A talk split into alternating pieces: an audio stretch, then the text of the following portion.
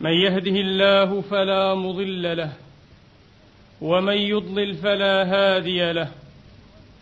وأشهد أن لا إله إلا الله وحده لا شريك له وأشهد أن سيدنا ونبينا وعظيمنا محمدا عبده ورسوله. وصفوته من خلقه ونجيبه من عباده وأمينه على وحيه. صلى الله تعالى عليه وسلم تسليما كثيرا وعلى آله الطيبين الطاهرين وصحابته الأشاوس الميامين الذين آمنوا به وعزروه ونصروه واتبعوا النور الذي أنزل معه.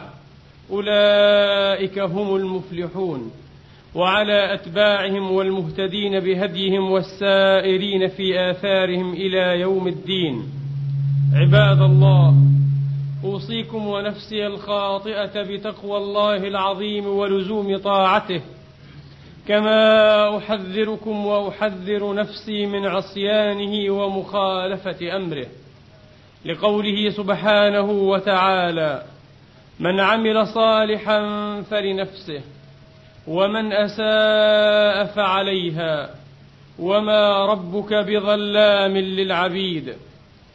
أما بعد أيها الإخوة المسلمون الأحباب يقول الله سبحانه وتعالى علت كلمته وجلت حكمته في كتابه العزيز بعد أن أعوذ بالله من الشيطان الرجيم بسم الله الرحمن الرحيم. والسابقون الأولون من المهاجرين والأنصار والذين اتبعوهم بإحسان رضي الله عنهم ورضوا عنه وأعد لهم جنات تجري تحتها الأنهار خالدين فيها أبدا. ذلك الفوز العظيم. أيها الإخوة الأحباب لم يحظ نبي من أنبياء الله ولم يسعد رسول من رسل الله صلوات الله وتسليماته عليهم أجمعين.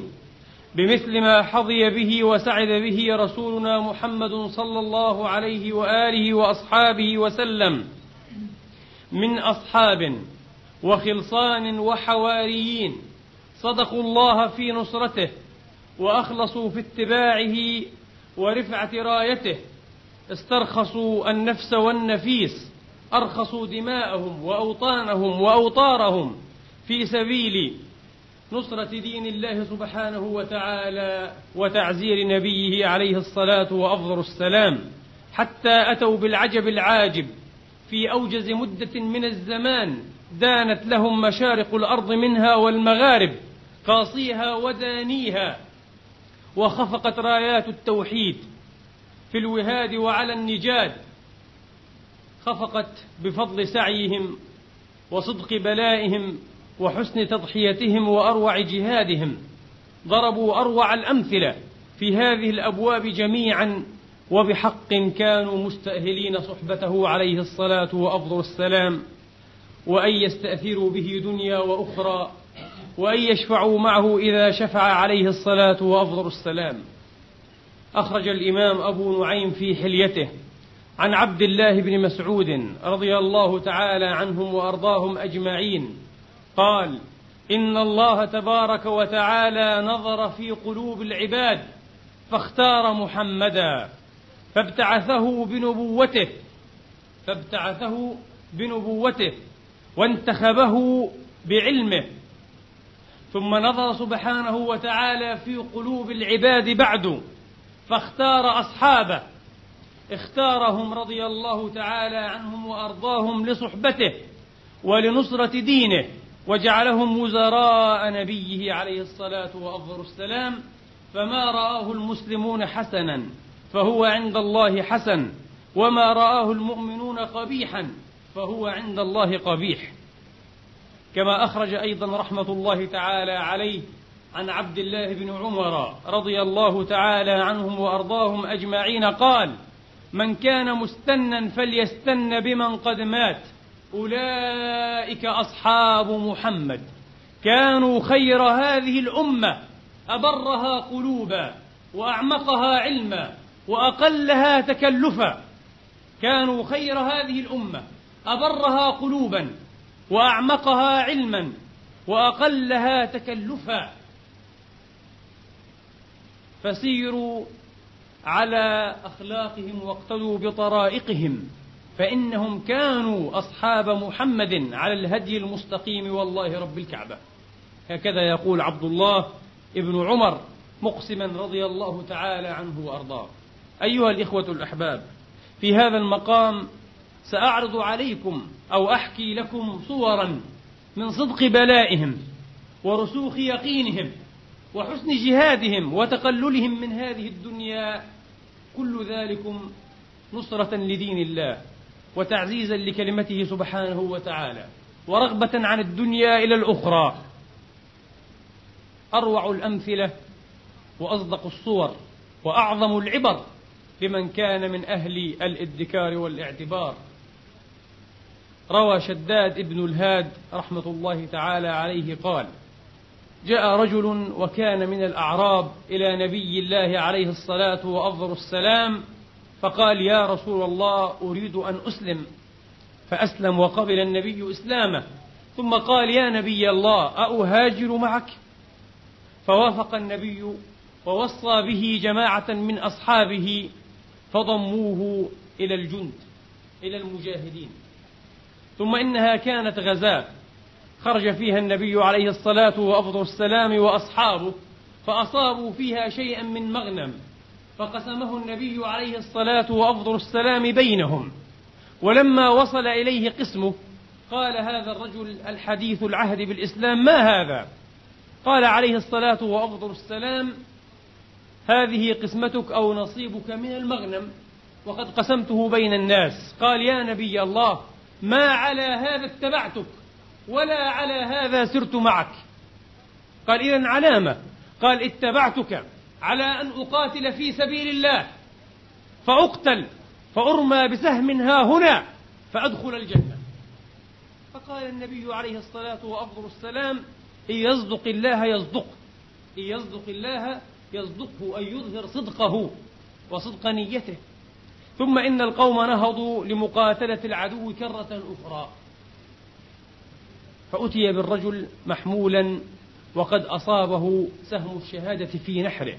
في المكان الذي عين وحدد ورغب إلى الله أن يقتل فيه. فنظر إليه النبي عليه الصلاة وأفضل السلام ولكأن معالمه قد تغيرت لسؤاله عليه السلام أهو هو؟ قالوا نعم يا رسول الله هو هو. قال صدق الله فصدقه الله.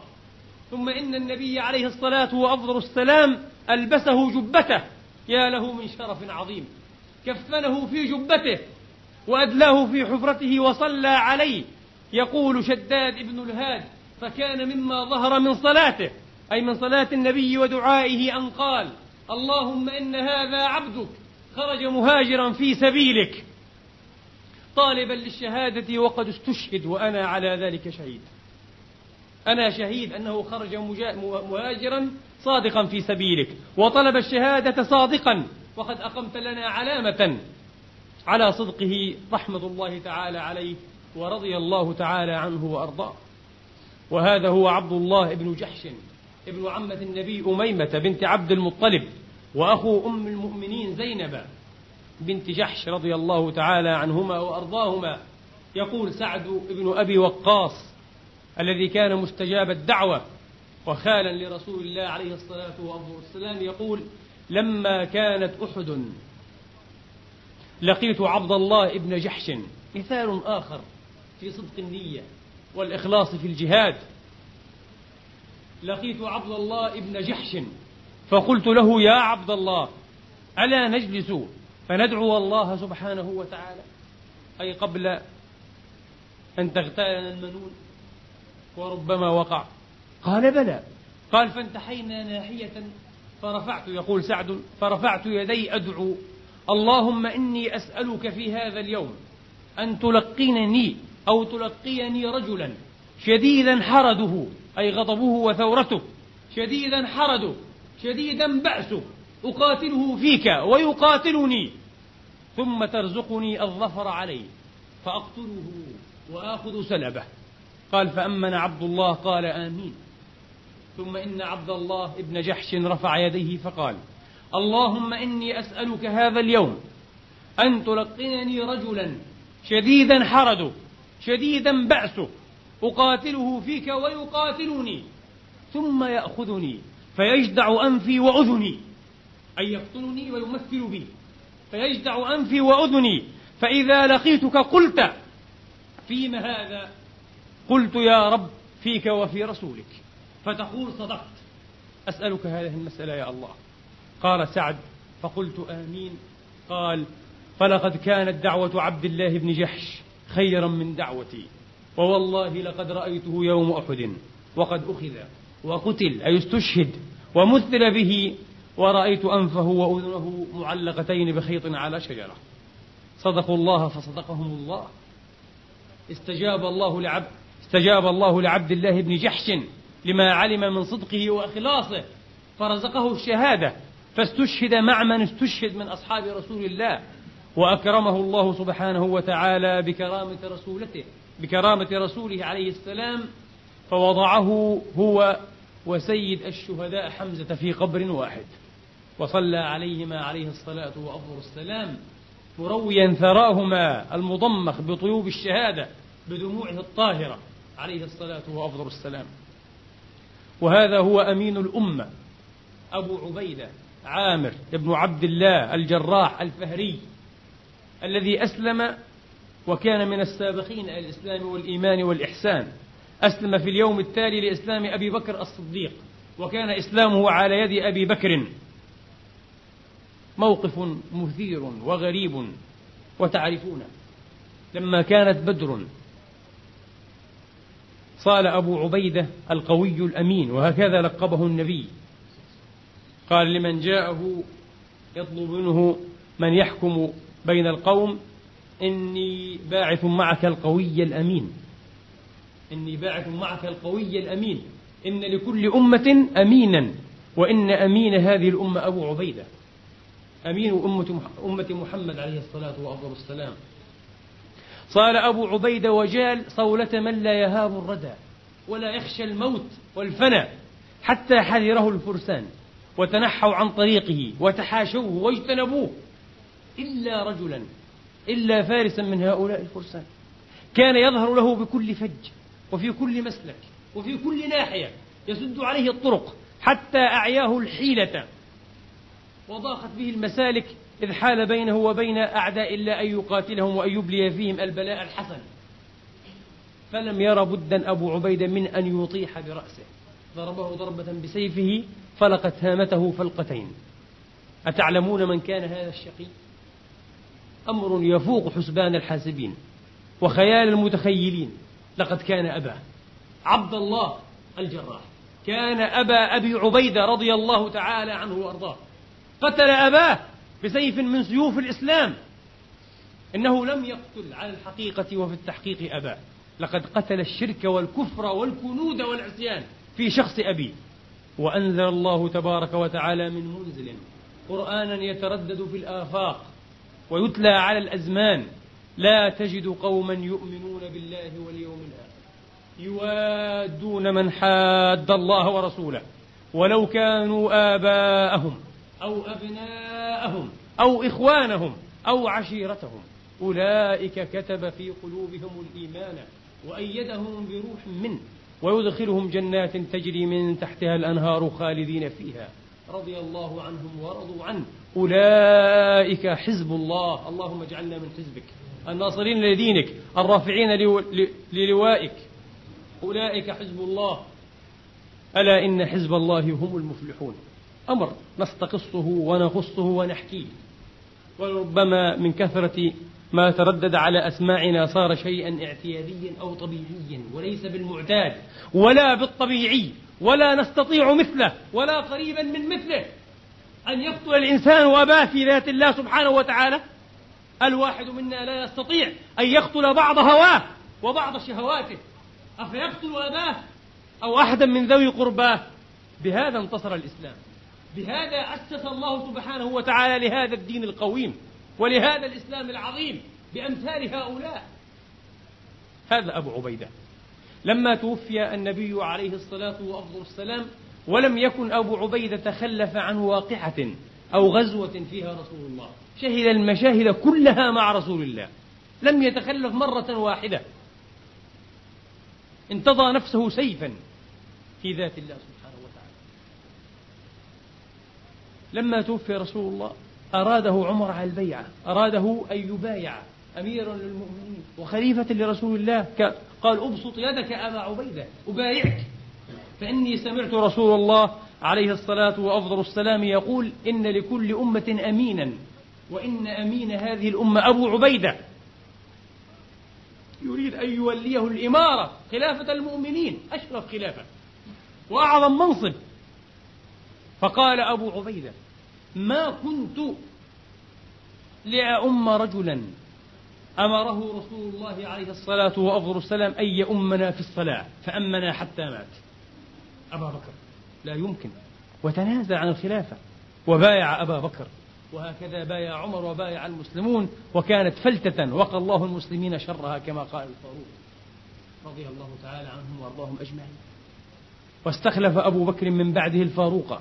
فبايع أبو عبيد الفاروق وكان صادق النصح لهما كليهما. صادق الولاء والاتباع. لم يعص الفاروق إلا مرة واحدة. فتعلمون ما عساها تكون هذه المرة. مرة واحدة عصى عمر الفاروق في إمرته. حيث كان رضي الله تعالى عنه وأرضاه يقود جيوش المسلمين بالشام وينقلهم من نصر إلى نصر ومن ظفر إلى ظفر. حتى فتح الله على يديه البلاد شرقا إلى الفرات وشمالا إلى آسيا الصغرى. وبينهم على هذه الحال من النصر والظفر والتعزيز والتمكين والثناء والرفعة إذ ذهم الطاعون بلاد الشام المكان الذي كان فيه أبو عبيدة وأصحابه وجنده فجعل يحصد الناس حظا. طاعون ما سمع السامعون بمثله. سير إليه الفاروق رسولا برسالة كتب فيها إلى أبي عبيدة ابن الجراح. لقد بدت إلي لقد بدت لي عفوا لقد بدت لي إليك حاجة. ما بي غنى عنك فيها. فإن وصلك أبا عبيد كتابي هذا صباحا. فقد عزمت عليك ألا تمسي حتى تركب إلي. أي تسافر. أريدك بالمدينة. وإن وصلك كتابي هذا مساء فقد عزمت عليك ألا تصبح حتى تسير إلي. فض أبو عبيدة كتاب الفاروق أمير المؤمنين وقرأه وقال لقد علمت حاجة أمير المؤمنين. إن أمير المؤمنين يريد أن يستبقي من ليس بباق. يظن به على الموت. عمر يظن بأبي عبيدة على الموت. لا يريده أن يموت. مع أن النبي نهى. نهى أصحابه وأمته إذا وقع الطاعون بأرض أن يخرج منها من كان فيها. وأن ينزل إليها من كان خارجا عنها. إن أمير المؤمنين يريد أن يستبقي من ليس بباق. وهيهات كتب إليه إلى أمير المؤمنين عمر بن الخطاب رضي الله تعالى عنه وأرضاه. يا أمير المؤمنين قد عرفت حاجتك وإنك تريد أن تستبقي من ليس بباق. وإني في جماعة من جند المسلمين وأصحاب رسول الله وليس بنفسي رغبة عنهم وعن الذين هم فيه. فوالله لا أفارقهم حتى يقضي الله في وفيهم أمره. فإن وصلك كتابي هذا يا أمير المؤمنين فإن رأيت أن تحلني أي تحللني من عزمك فافعل. لا أريد أن أسير إليك. أنا لا أرى نفسي خيرا من أحد أو من واحد من هؤلاء الجنود. أنا مسلم مثلهم. أنا من أحد هذه الأمة. إن عاشوا عشت وإن ماتوا مت. هذا التفاني مثل هؤلاء يكونون ولاة. ومثل هؤلاء يكونون قادة لأمة محمد عليه الصلاة وأفضل السلام.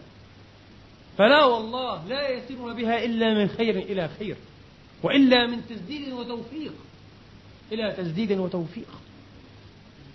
ولما حضرته الوفاء اجتمع حوله أصحابه من جنده وأحبابه فقال لهم إني موصيكم بوصية لن تزالوا بخير ما عملتم بها.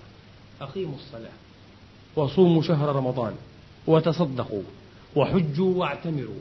وانصحوا لأمرائكم ولا تغشوهم. ولا تلهكم الدنيا. فإن أحدكم لو عاش ألف حول لم يجد بدا من أن يصير إلى مثل مصرعي هذا. والسلام عليكم ورحمة الله وبركاته. ثم فاضت روحه الشريفة بعد أن نظر إلى معاذ بن جبل وقال له يا معاذ صل بالناس. كأنه يستخلفه من بعده. وقد مات معاذ أيضا. ومات أهله في ضاعون أمواس. صل بالناس يا معاذ. فبكى الناس أجمعون. وقال معاذ أيها المسلمون أيها المسلمون لقد فقدتم رجلا. والله لا أعلم رجلا أو ما رأيت رجلا من أمة محمد. أبر منه قلبا. أبر منه قلبا. ولا أبعد منه غائلة والغائلة هي الحقد والغش على المسلمين ليس عنده غائلة. ولا أبعد منه غائلة ولا أنصح منه للعامة. فترحموا عليه يرحمكم الله. قال عبد الله بن عمر رضي الله تعالى عنهم وأرضاهم أجمعين ثلاثة من قريش أصبح الناس وجوها وأحسنها أخلاقا وأثبتها حياة أصبح الناس وجوها أي أجملهم وأنظرهم. أصبح الناس وجوها وأحسنها أخلاقا وأثبتها حياء. أبو بكر الصديق وعثمان ابن عفان وأبو عبيدة ابن الجراح. فرض اللهم عن أصحاب محمد عبدك ونبيك عليه الصلاة والسلام. واحشرنا معهم في زمرتهم يا رب العالمين. وأخيرا مثال رائع لكن لا في التضحية والإقدام والإستبسال. وإنما في الزهد في الدنيا والنصح لأمة محمد حين يتولى شيئا من أمر هذه الأمة المرحومة. سعيد بن عامر الجمحي الذي شهد مصرع خبيب بن عدي بالتنعيم ولم يفارقه هذا المشهد ولا هذا الموقف المروع الهائل الراعب ثم إنه هاجر إلى النبي في دار هجرته وأسلم وحسن إسلامه وشهد كثيرا من المشاهد. فلما تولى الفاروق رضي الله تعالى عنه وأرضاه جاءه ينصح له. قال له يا عمر اخشى الله في الناس ولا تخشى الناس في الله. أي لا تخشى في الله لومة لائم. اخشى الله في الناس ولا تخشى الناس في الله. يا عمر أقم وجهك. لمن, والله لمن ولاك الله أمرهم من بعيد المسلمين وقريبهم وأحب لهم ما تحب لنفسك وأهل بيتك. ولا تخش في الله لومة لائم. ولا تخش في الله لومة لائم وخض الغمرات إلى الله في الحق. قال عمر ومن يستطيع مثل هذا يا سعيد؟ قال يستطيعه رجل مثلك. ولاه الله سبحانه وتعالى من أمر أمة محمد. ما ولاك وليس بينه وبينه أحد. ليس بينك وبين الله أحد. أنت أعظم هذه الأمة. أنت في أعظم منصب. فاتق الله وأنت تستطيع مثل هذا الأمر. أراد عمر أن يتأزر به أن يتقوى به. قال له يا سعيد فأزرني أزرني يا سعيد فإني قد وليتك على حمص. فهب الرجل نشدتك الله يا عمر ألا تفتنني في ديني. رآها مصيبة. تجعلني رئيسا على حمص رئيس على هذه البلدة. واليا نشدتك الله يا عمر ألا تفتنني في ديني. فغضب عمر وهبه الآخر وقال الله الله قد جعلتموها في عنقي ثم تتخلون عني. هو أيضا يراها فتنة وتكليفا شاقا ومخيفا. الخلافة. جعلتموها في عنقي ثم تتخلون عني. لا. والله لا أرضى. قد وليناك حمصا يا سعيد. رغما عن أنفك. وسيره إلي. أين هذه الأمثلة؟ عندما نقرأ هذا التاريخ والله الذي لا إله إلا هو. لا أشعر أننا أحفاد لهؤلاء القوم ولا أننا منهم ولا هم منا. فأين القليل القليل منا الذين يمكن أن يكونوا على هذا الطراز وأن يسيروا في هذه الجادة؟ ممن يحملون لواء الإسلام ويتكلمون في الإسلام وفي مشاكل المسلمين ومآسيهم. قال له يا سعيد أتريد أن أفرض لك رزقا نجعل لك راتبا جديدا. فضلا عما نفرض لك من بيت مال المسلمين شهريا. قال لا يا أمير المؤمنين والله إن ما تفرضه لي من بيت المال لا يزيد عن حاجتي. أنا رجل زاهد متقلب من الدنيا لا أريد. سيره إلى حمص واليا عليها. فما نشب إلا أن جاء قوم من أهل حمص كانوا موضع ثقة الفاروق عمر رضي الله تعالى عنه وأرضاه. كلمهم وحدثهم وسألهم ثم قال لهم اكتبوا لي أسماء الفقراء عندكم حتى نسد حاجتهم. فجابوا فلانا وفلانا وفلانا وسعيد بن عامر. قال ومن سعيد بن عامر هذا؟ لم يخطر على باله أنه صاحبه وصاحب رسول الله الذي ولى على حمص. رجل آخر اتفاق أسماء. ومن سعيد بن عامر؟ قالوا والينا. بهت عمر قال واليكم فقير معدود من الفقراء قالوا والله نعم والله إنه لتمر عليه الليالي والأيام الطوال لا يوقد في بيته نار لا يطبخ في بيته طبيخ فبكى عمر حتى أخضل بدموعه لحيته حتى بللت دموعه الشريفة لحيته فدعا بألف دينار وجعلها في صرة قال خذوها إلي واقرأوا عليه مني السلام وقولوا أمير المؤمنين. قد بعث إليك بهذه الدنانير لتستعين بها على قضاء حاجتك. فلما جاءته السرة ستة آلاف درهم ألف دينار. لما جاءته السرة وفضه عليه ما فيها استرجع. إنا لله وإنا إليه راجعون. إنا لله وإنا إليه راجعون. فسألته زوجه يا سعيد أمات أمير المؤمنين؟ قال أعظم. فقال أخسر المسلمون في وقعة؟ هزموا في معركة أو في غزوة قال بل أعظم. قالت وما أعظم؟ قال الفتنة دخلت بيتي لتفسد علي آخرتي. قالت تخلص منها. ولم تعلم ولم تدري شيئا من أمر الدنانير. لم تعلم شيئا من أمر الدنانير. لا تعلم. ربما فتنة في الدماء أو في الأعراض؟ قالت تخلص منها. قال أو تعينينني على ذلك؟ قالت نعم. فقسمها بين الفقراء. لهذا مئة ولهذا خمسون ولهذا عشرون. ووافقته زوجه رضي الله عنه. وبعد أشهر قليلة جاء الفاروق بنفسه ديار الشام. يتفقد ولاته وعماله. يتفقد ولاته وعماله. فلما بلغ حمصا خرج إليها جماعة من أعيانهم. وكانت تدعى حمص الكويفة تصغير الكوفة تشبيها لها بالكوفة في العراق. لماذا؟ لكثرة شكاية أهلها عمالهم وولاتهم دائما يشكون عمالهم وولاتهم أهل الكوفة دائما هكذا. فشبهوا حمصا بالكوفة. قالوا الكويفة. لا يرضون عن عامل. قال لهم أمير المؤمنين كيف وجدتم أميركم؟ فشكوه إليه. قالوا نشكوه إليك ونشكو منه أربعة أمور. كل واحد منها أعظم من الآخر. قال عمر فدخلت البيت ودعوت الله تبارك وتعالى ألا يخيب ظني فيه فإن ظني فيه كان حسنا. كنت حسن الظن في سعيد بن عامر هو الآن لا يعلم هذه المسائل. قال فلما أصبحنا جاء القوم وجاء سعيد فقد بعث إليه الفاروق جلسوا جميعا. قال لهم ما تشكون أيها القوم من أميركم سعيد؟ قالوا يا أمير المؤمنين أولا. الأولى. لا يخرج إلينا في الصباح. يخرج إلينا في الضحاء الشديد. عندما تعلو الشمس. صباحا لا يخرج إلينا. هكذا. وقد يقول بعضكم ما هذا الاعتراض الغريب؟ يعني لماذا يخرج إليهم؟ لأنه خادمهم. أمير القوم خادمهم. أنت في منطق الإسلام عندما تكون أميرا على قوم يجب أن تخدمهم وأن تسعى في مصالحهم. لا أن تذهب أموالهم وتمتص دماءهم وتجلد أبشارهم وتنتهك أعراضهم باسم الإمارة والخلافة. أبدا. وإنما تخدمهم هذا لا يخدمهم لا يخرج إليهم كل, كل صباح. فالتفت لي عمر قال ما تقول في ذلك يا سعيد؟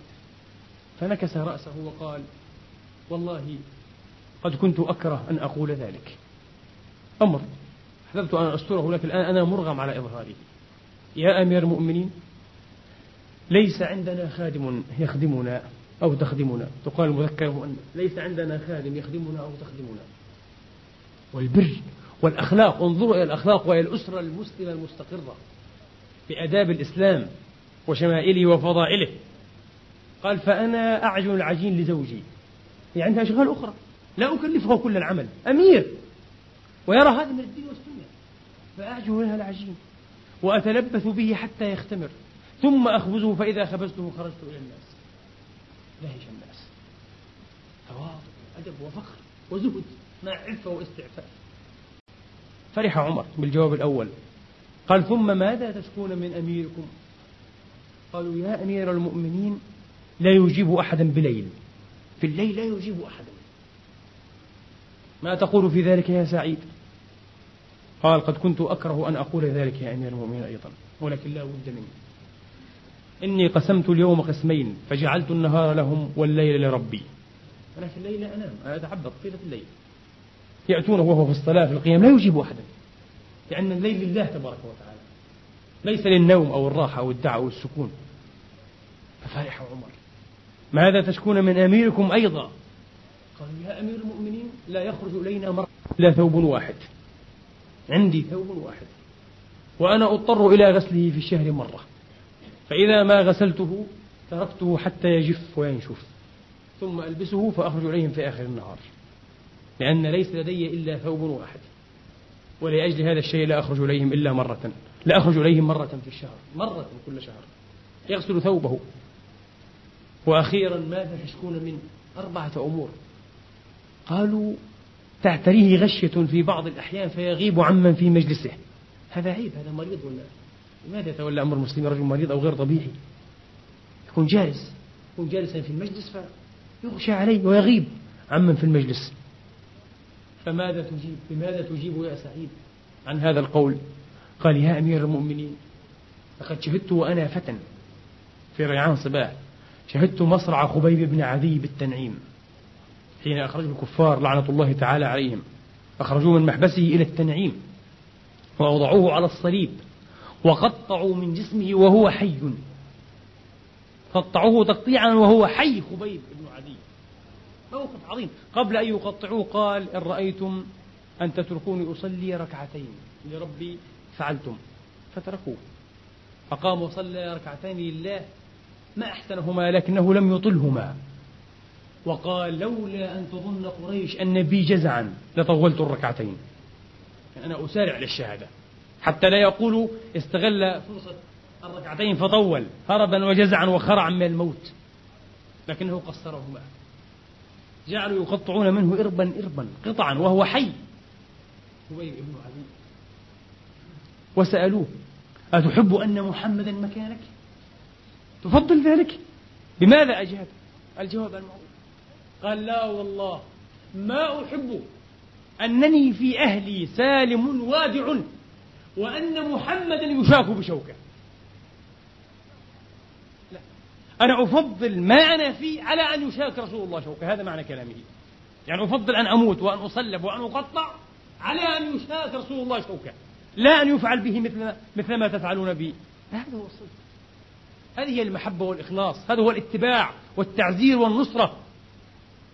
هؤلاء هم أصحاب قال يا أمير المؤمنين كلما ذكرت أو ذكرت هذا الموقف وأنني لم أنصر أنا كنت كافرا مع المشركين ولم أنصر خبيبا إلا ظننت أن الله لن يغفر لي. فتعتريني غشية فأغيب عمن حولي. يغشى علي. هذه القصة ربما مر عليها ثلاثون سنة. كلما تذكرها اغترته غشية فغاب عن وعيه وعمن حوله. رضي الله تعالى عنهم وأرضاهم. اللهم اسلك بنا سبيلهم واجعلنا ممن يهتدون بهديهم ويسرون في آثارهم وارزقنا الشهادة واحشرنا في زمرتهم يا أكرم, يا أكرم الأكرمين ويا أرحم الراحمين. أقول قولي هذا وأستغفر الله لي والعاقبة للمتقين ولا عدوان إلا على الظالمين. وأشهد أن لا إله إلا الله وحده لا شريك له الملك الحق المبين. وأشهد أن سيدنا محمدا عبده ورسوله الصادق الوعد الأمين. صلى الله تعالى عليه وعلى آله الطيبين وصحابته المباركين وأتباعهم بإحسان إلى يوم الدين. اللهم اجعلنا ممن يستمعون القول فيتبعون أحسنه. واجعلنا من الذين هديتهم. واجعلنا من أولي الألباب. اللهم اغفر لنا ما قدمنا وما أخرنا. وما أسررنا وما أعلنا وما أسرفنا وما أنت أعلم به منا. وما جنينا على أنفسنا. أنت المقدم وأنت المؤخر. ولا إله إلا أنت ولا حول ولا قوة إلا بك. ربنا ألحقنا بالصالحين وارفع لنا ذكرا في الآخرين. اللهم اجعلنا من عبادك المصطفين الأخيار ولا تجعلنا من عبادك الفاسقين الفجار. اللهم اجعلنا هداة مهتدين غير ضالين ولا مضلين. سلما لأوليائك وعدوا لأعدائك. نحب بحبك من أحبك ونعادي بعداوتك من خالفك. اللهم اجعلنا من أتباع سنة الحبيب المصطفى عليه الصلاة وأفضل السلام. احشرنا في زمرته واحشرنا تحت لوائه يا رب العالمين. واسقنا بيده الشريفة الكريمة شربة لا نظمأ بعدها حتى ندخل الجنة. اللهم شفعه فينا اللهم هبنا له يا رب العالمين. ربنا اغفر لنا ولإخواننا الذين سبقونا بالإيمان. ولا تجعل في قلوبنا غلا للذين آمنوا. ربنا إنك رؤوف رحيم. اللهم اقسم لنا من خشيتك ما تحول به بيننا وبين معصيتك ومن طاعتك ما تبلغنا به جنتك ومن اليقين ما تهون به علينا مصائب الدنيا. اللهم لا تجعل مصيبتنا في ديننا ولا تجعل الدنيا أكبر همنا ولا مبلغ علمنا ولا تسلط علينا بذنوبنا من لا يخافك فينا ولا يرحمنا. إلهنا ومولانا رب العالمين ربنا اغفر لنا ولوالدينا. وارحمهم كما ربونا صغارا. اجزهم بالإحسان إحسانا وبالسيئات غفرانا. واغفر اللهم للمسلمين والمسلمات المؤمنين والمؤمنات الأحياء منهم والأموات. بفضلك ورحمتك إنك سميع قريب مجيب الدعوات.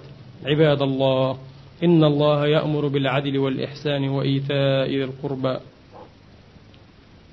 وينهى عن الفحشاء والمنكر والبغي. يعظكم لعلكم تذكرون. اذكروا الله يذكركم واشكروه يزدكم وسلوه يعطكم. وقوموا